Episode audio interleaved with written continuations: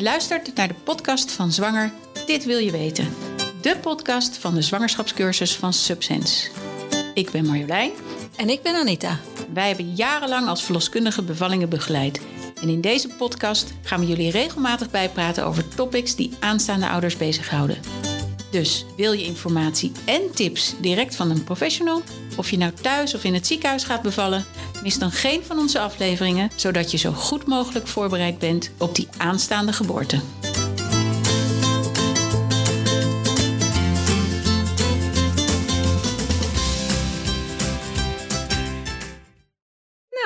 We weer gezellig verder met uh, zwangerschapskwaaltjes. Ja, het is wat, die kwaaltjes. Het is een hele lijst en dat hebben we de vorige keer al gezegd. En ook dit keer hebben we er een paar uitgezocht die wij denken die interessant zijn, ja. voorkomen en waar mensen veel vragen over hebben. Ja, ja.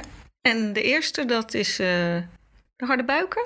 Ja, dat is een goed plan. Harde buiken is iets wat veel voorkomt en waar veel vrouwen echt wel vragen over hebben. Van mijn buik is zo hard.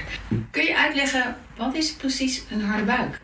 Een harde buik is eigenlijk een, een uh, contractie, dus een aanspanning van je baarmoeder. dus hij spant aan en dan voelt hij van buiten hard en gespannen aan. En niet zo soepel als dat je misschien gewend bent. Eigenlijk hoef je altijd alleen maar je vingertoppen op de buik te leggen en dan voel je als het ware een soort steen onder je huid zitten. Dat is een harde buik. Ja. Want, en dat, is, dat voelt dus anders dan het kontje van de baby bijvoorbeeld. Ja, omdat de gehele buik uh, hard is, hè? want hij spant helemaal aan. En eigenlijk horen we vaak dat mensen daar een beetje angstig of onzeker over zijn. Ja, ik vind dat een harde buik kan je zien als een training. Kijk, als ik ergens volgend jaar in de zomer een marathon moet gaan lopen, dan zal ik moeten gaan trainen. Want het kan niet zo zijn dat ik denk, oh, maar dat is leuk, dat ga ik doen. En dan uh, een week van tevoren denk, oh ja, ik ga eens even beginnen met hardlopen. Daar moet ik best wel een half jaar van tevoren voor gaan trainen. En dat is natuurlijk exact hetzelfde wat die buik doet, want die bevalling komt eraan. Dus hij moet dan heel hard gaan werken, die baarmoeder. En dat moet hij trainen. En dat doet hij door vanaf een week of twintig harde buiken te gaan maken. Die moeten wel geen pijn doen. We noemen het ook oefenweeën. Dus uh, daar zie je al het voordeel van de harde buiken, want je baarmoeder traint. Ja. Je baarmoeder is normaal gesproken in rust. Hè, en misschien bij menstruatie kan die wel eens uh, wat knijpen uh, om de inhoud eruit te werken. Maar in feite is een baarmoeder en die aan het groeien is tijdens de zwangerschap totaal niet gewend aan hard werken. En straks moet hij toch topsport verrichten als die bevalling daar is. Ja, het verschil tussen oefenweeën en echte weeën, daar gaan we het zo meteen nog even over hebben. Hè? Want dat is wel heel belangrijk. Dat is vaak waar de onzekerheid zit. Ja. Hoe vaak komt een harde buik ongeveer voor? Nou ja, dat ligt er ook aan, want er zijn oorzaken van harde buiken. Hè? Kijk, harde buiken die, die kunnen voorkomen als je te druk bent. Ja. Te veel stress. Ik zeg altijd een harde buik. Een buik zelf kan niet praten. En in deze tijd, moeders willen alles kunnen doen. Uh, nog gewoon naar het werk, gewoon boodschappen, het huishouden, kinderen erbij, naar school. Alles moet kunnen. En soms is dat net even te veel als je zwanger bent. En dat heb je zelf niet heel snel door. Een buik kan niet praten en gaat dus harde buiken maken. En dan merkt de moeder, hé, hey, dat is een vervelend gevoel. Of ik voel de hele tijd dat mijn buik aanspant. Dat is de manier van zo'n buik om te laten weten: hé, hey, ga eens even zitten, je moet wat rustiger aan doen. En dan zul je merken dat die harde buiken minder worden. Ja, dus harde buiken, het is maar goed dat we die hebben. Want het is ten eerste de oefening. En ten tweede, bij te veel harde buiken, een waarschuwing. Ja.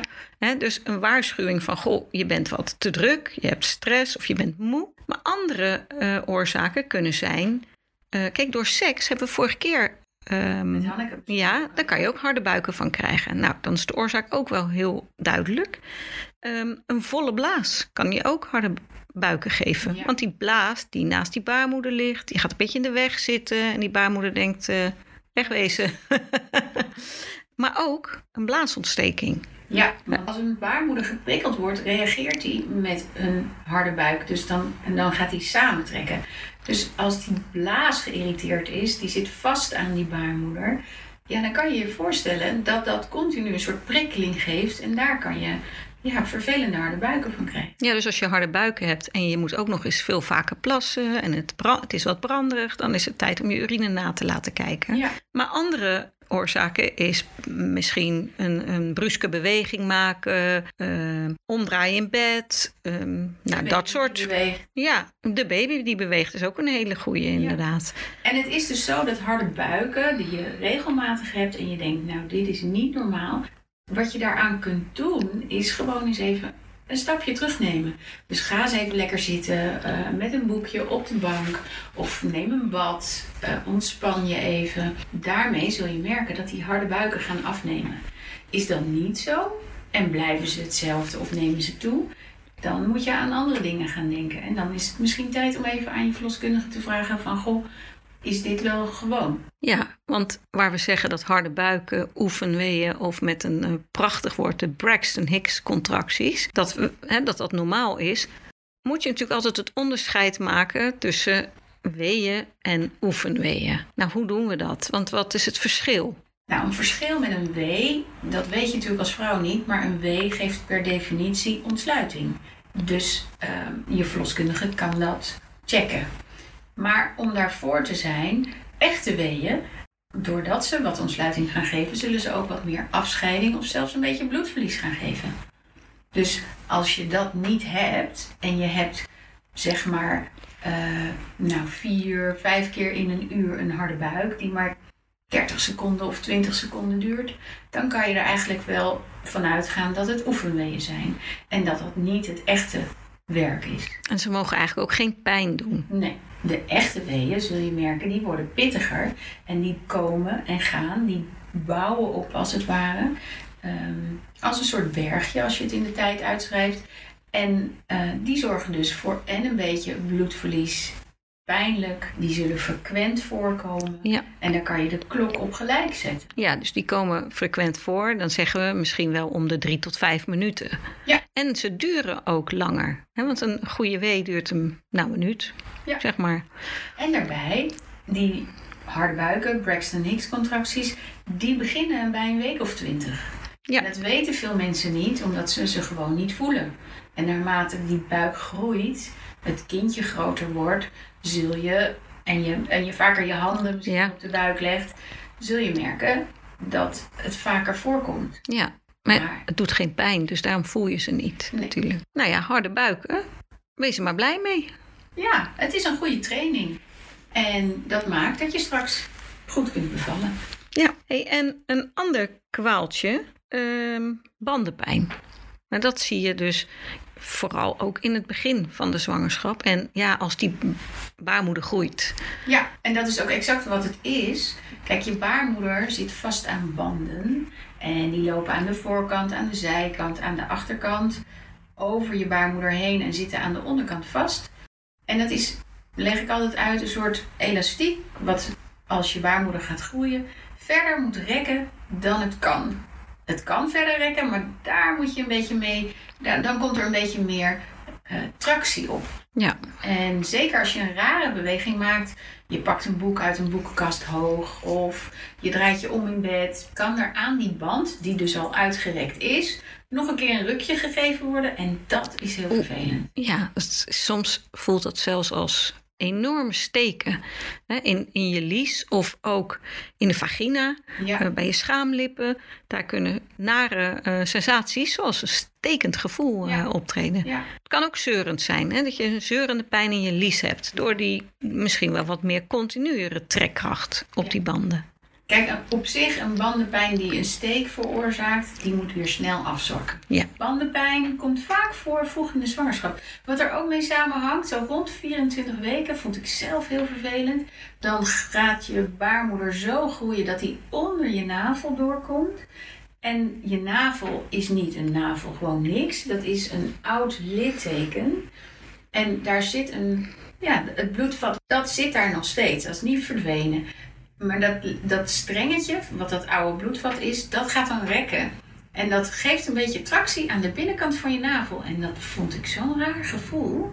Ja. Dat houdt er ook wel een beetje. Naar gevoel. Ja, een beetje uh, als ja.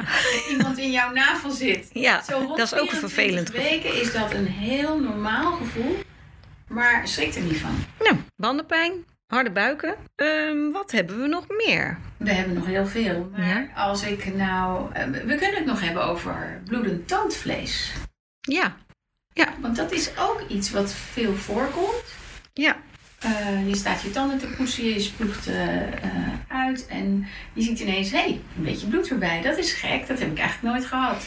Ja, heel vroeger, weet je wel, in onze oma's tijd zeiden ze toch, elke zwangerschap kost een tand of een kies. Nou, dan denk je ook. Maar daar zit dus wel een kern van waarheid in. Ja, maar dan moet je het dus heel ver laten komen. Hè? Dus bloedend tandvlees, dat, dat komt voor. Dat is ook door de hormonen in de zwangerschap. Maar dat heeft natuurlijk alles te maken met hygiëne. Ja. Niet het bloedend tandvlees, maar als je je tanden goed schoonhoudt, dan zul je ook niet een kies kwijtraken zomaar. Nee. Dus, dus je moet je, je tanden goed verzorgen. Zorg dat je je tanden stookt, dat je uh, goed je tanden poetst. En dan zul je merken dat het minder effect heeft op je tandvlees.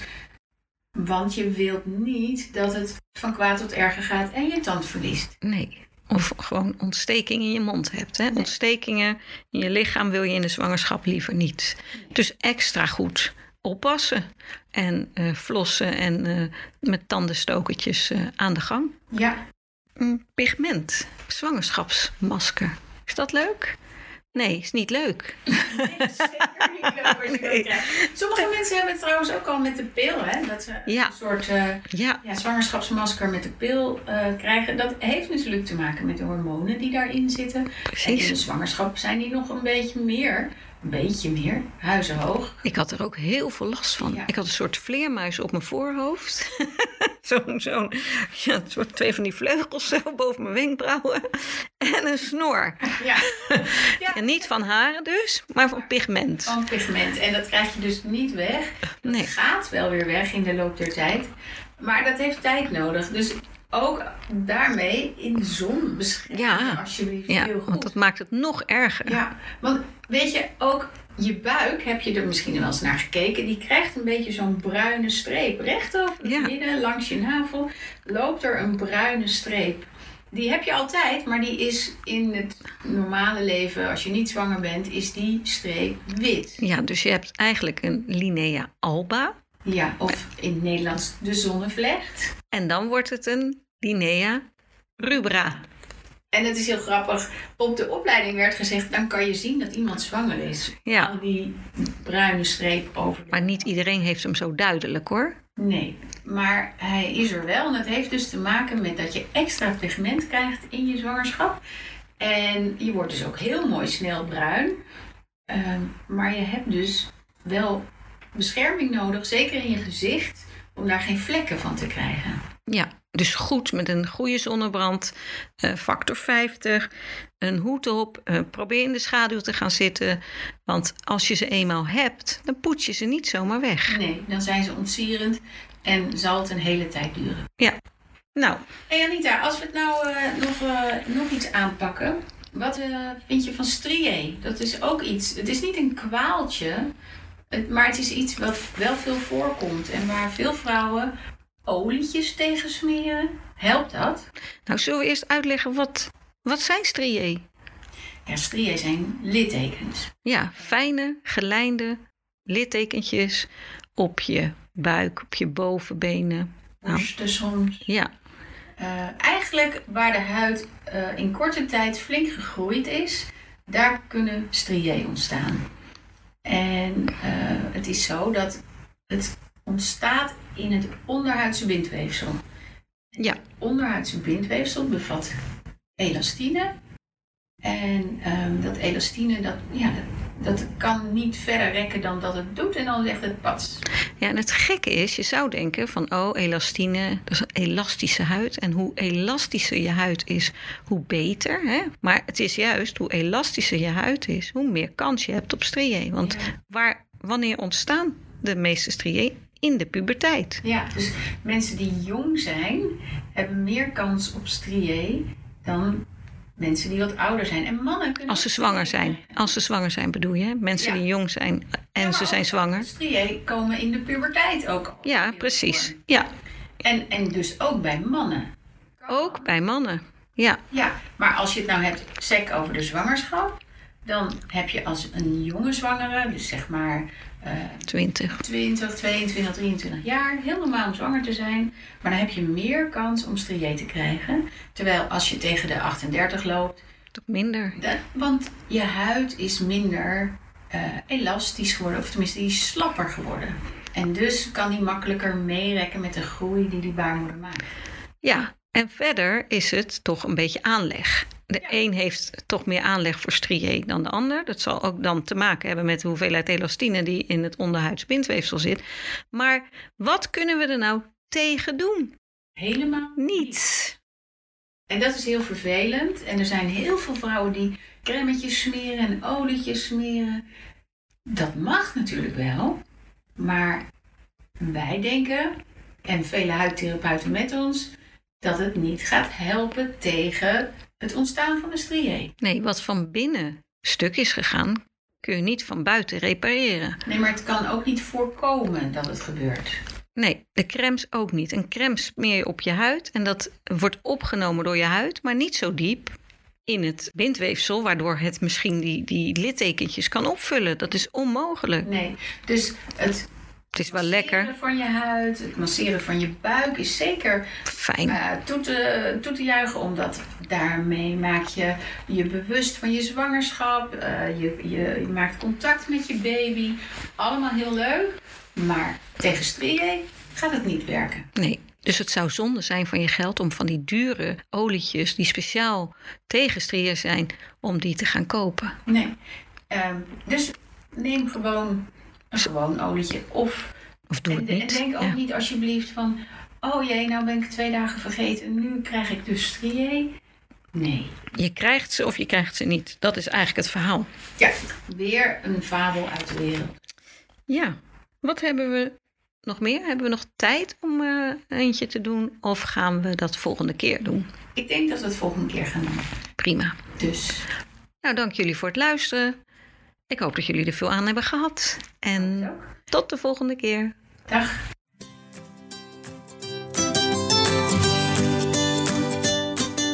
Je luisterde naar de podcast Zwanger, dit wil je weten van Subsense. Mede mogelijk gemaakt door Koffiecode Podcast. Je kunt ons volgen via Insta, Facebook, LinkedIn en onze site www.subsense.nl.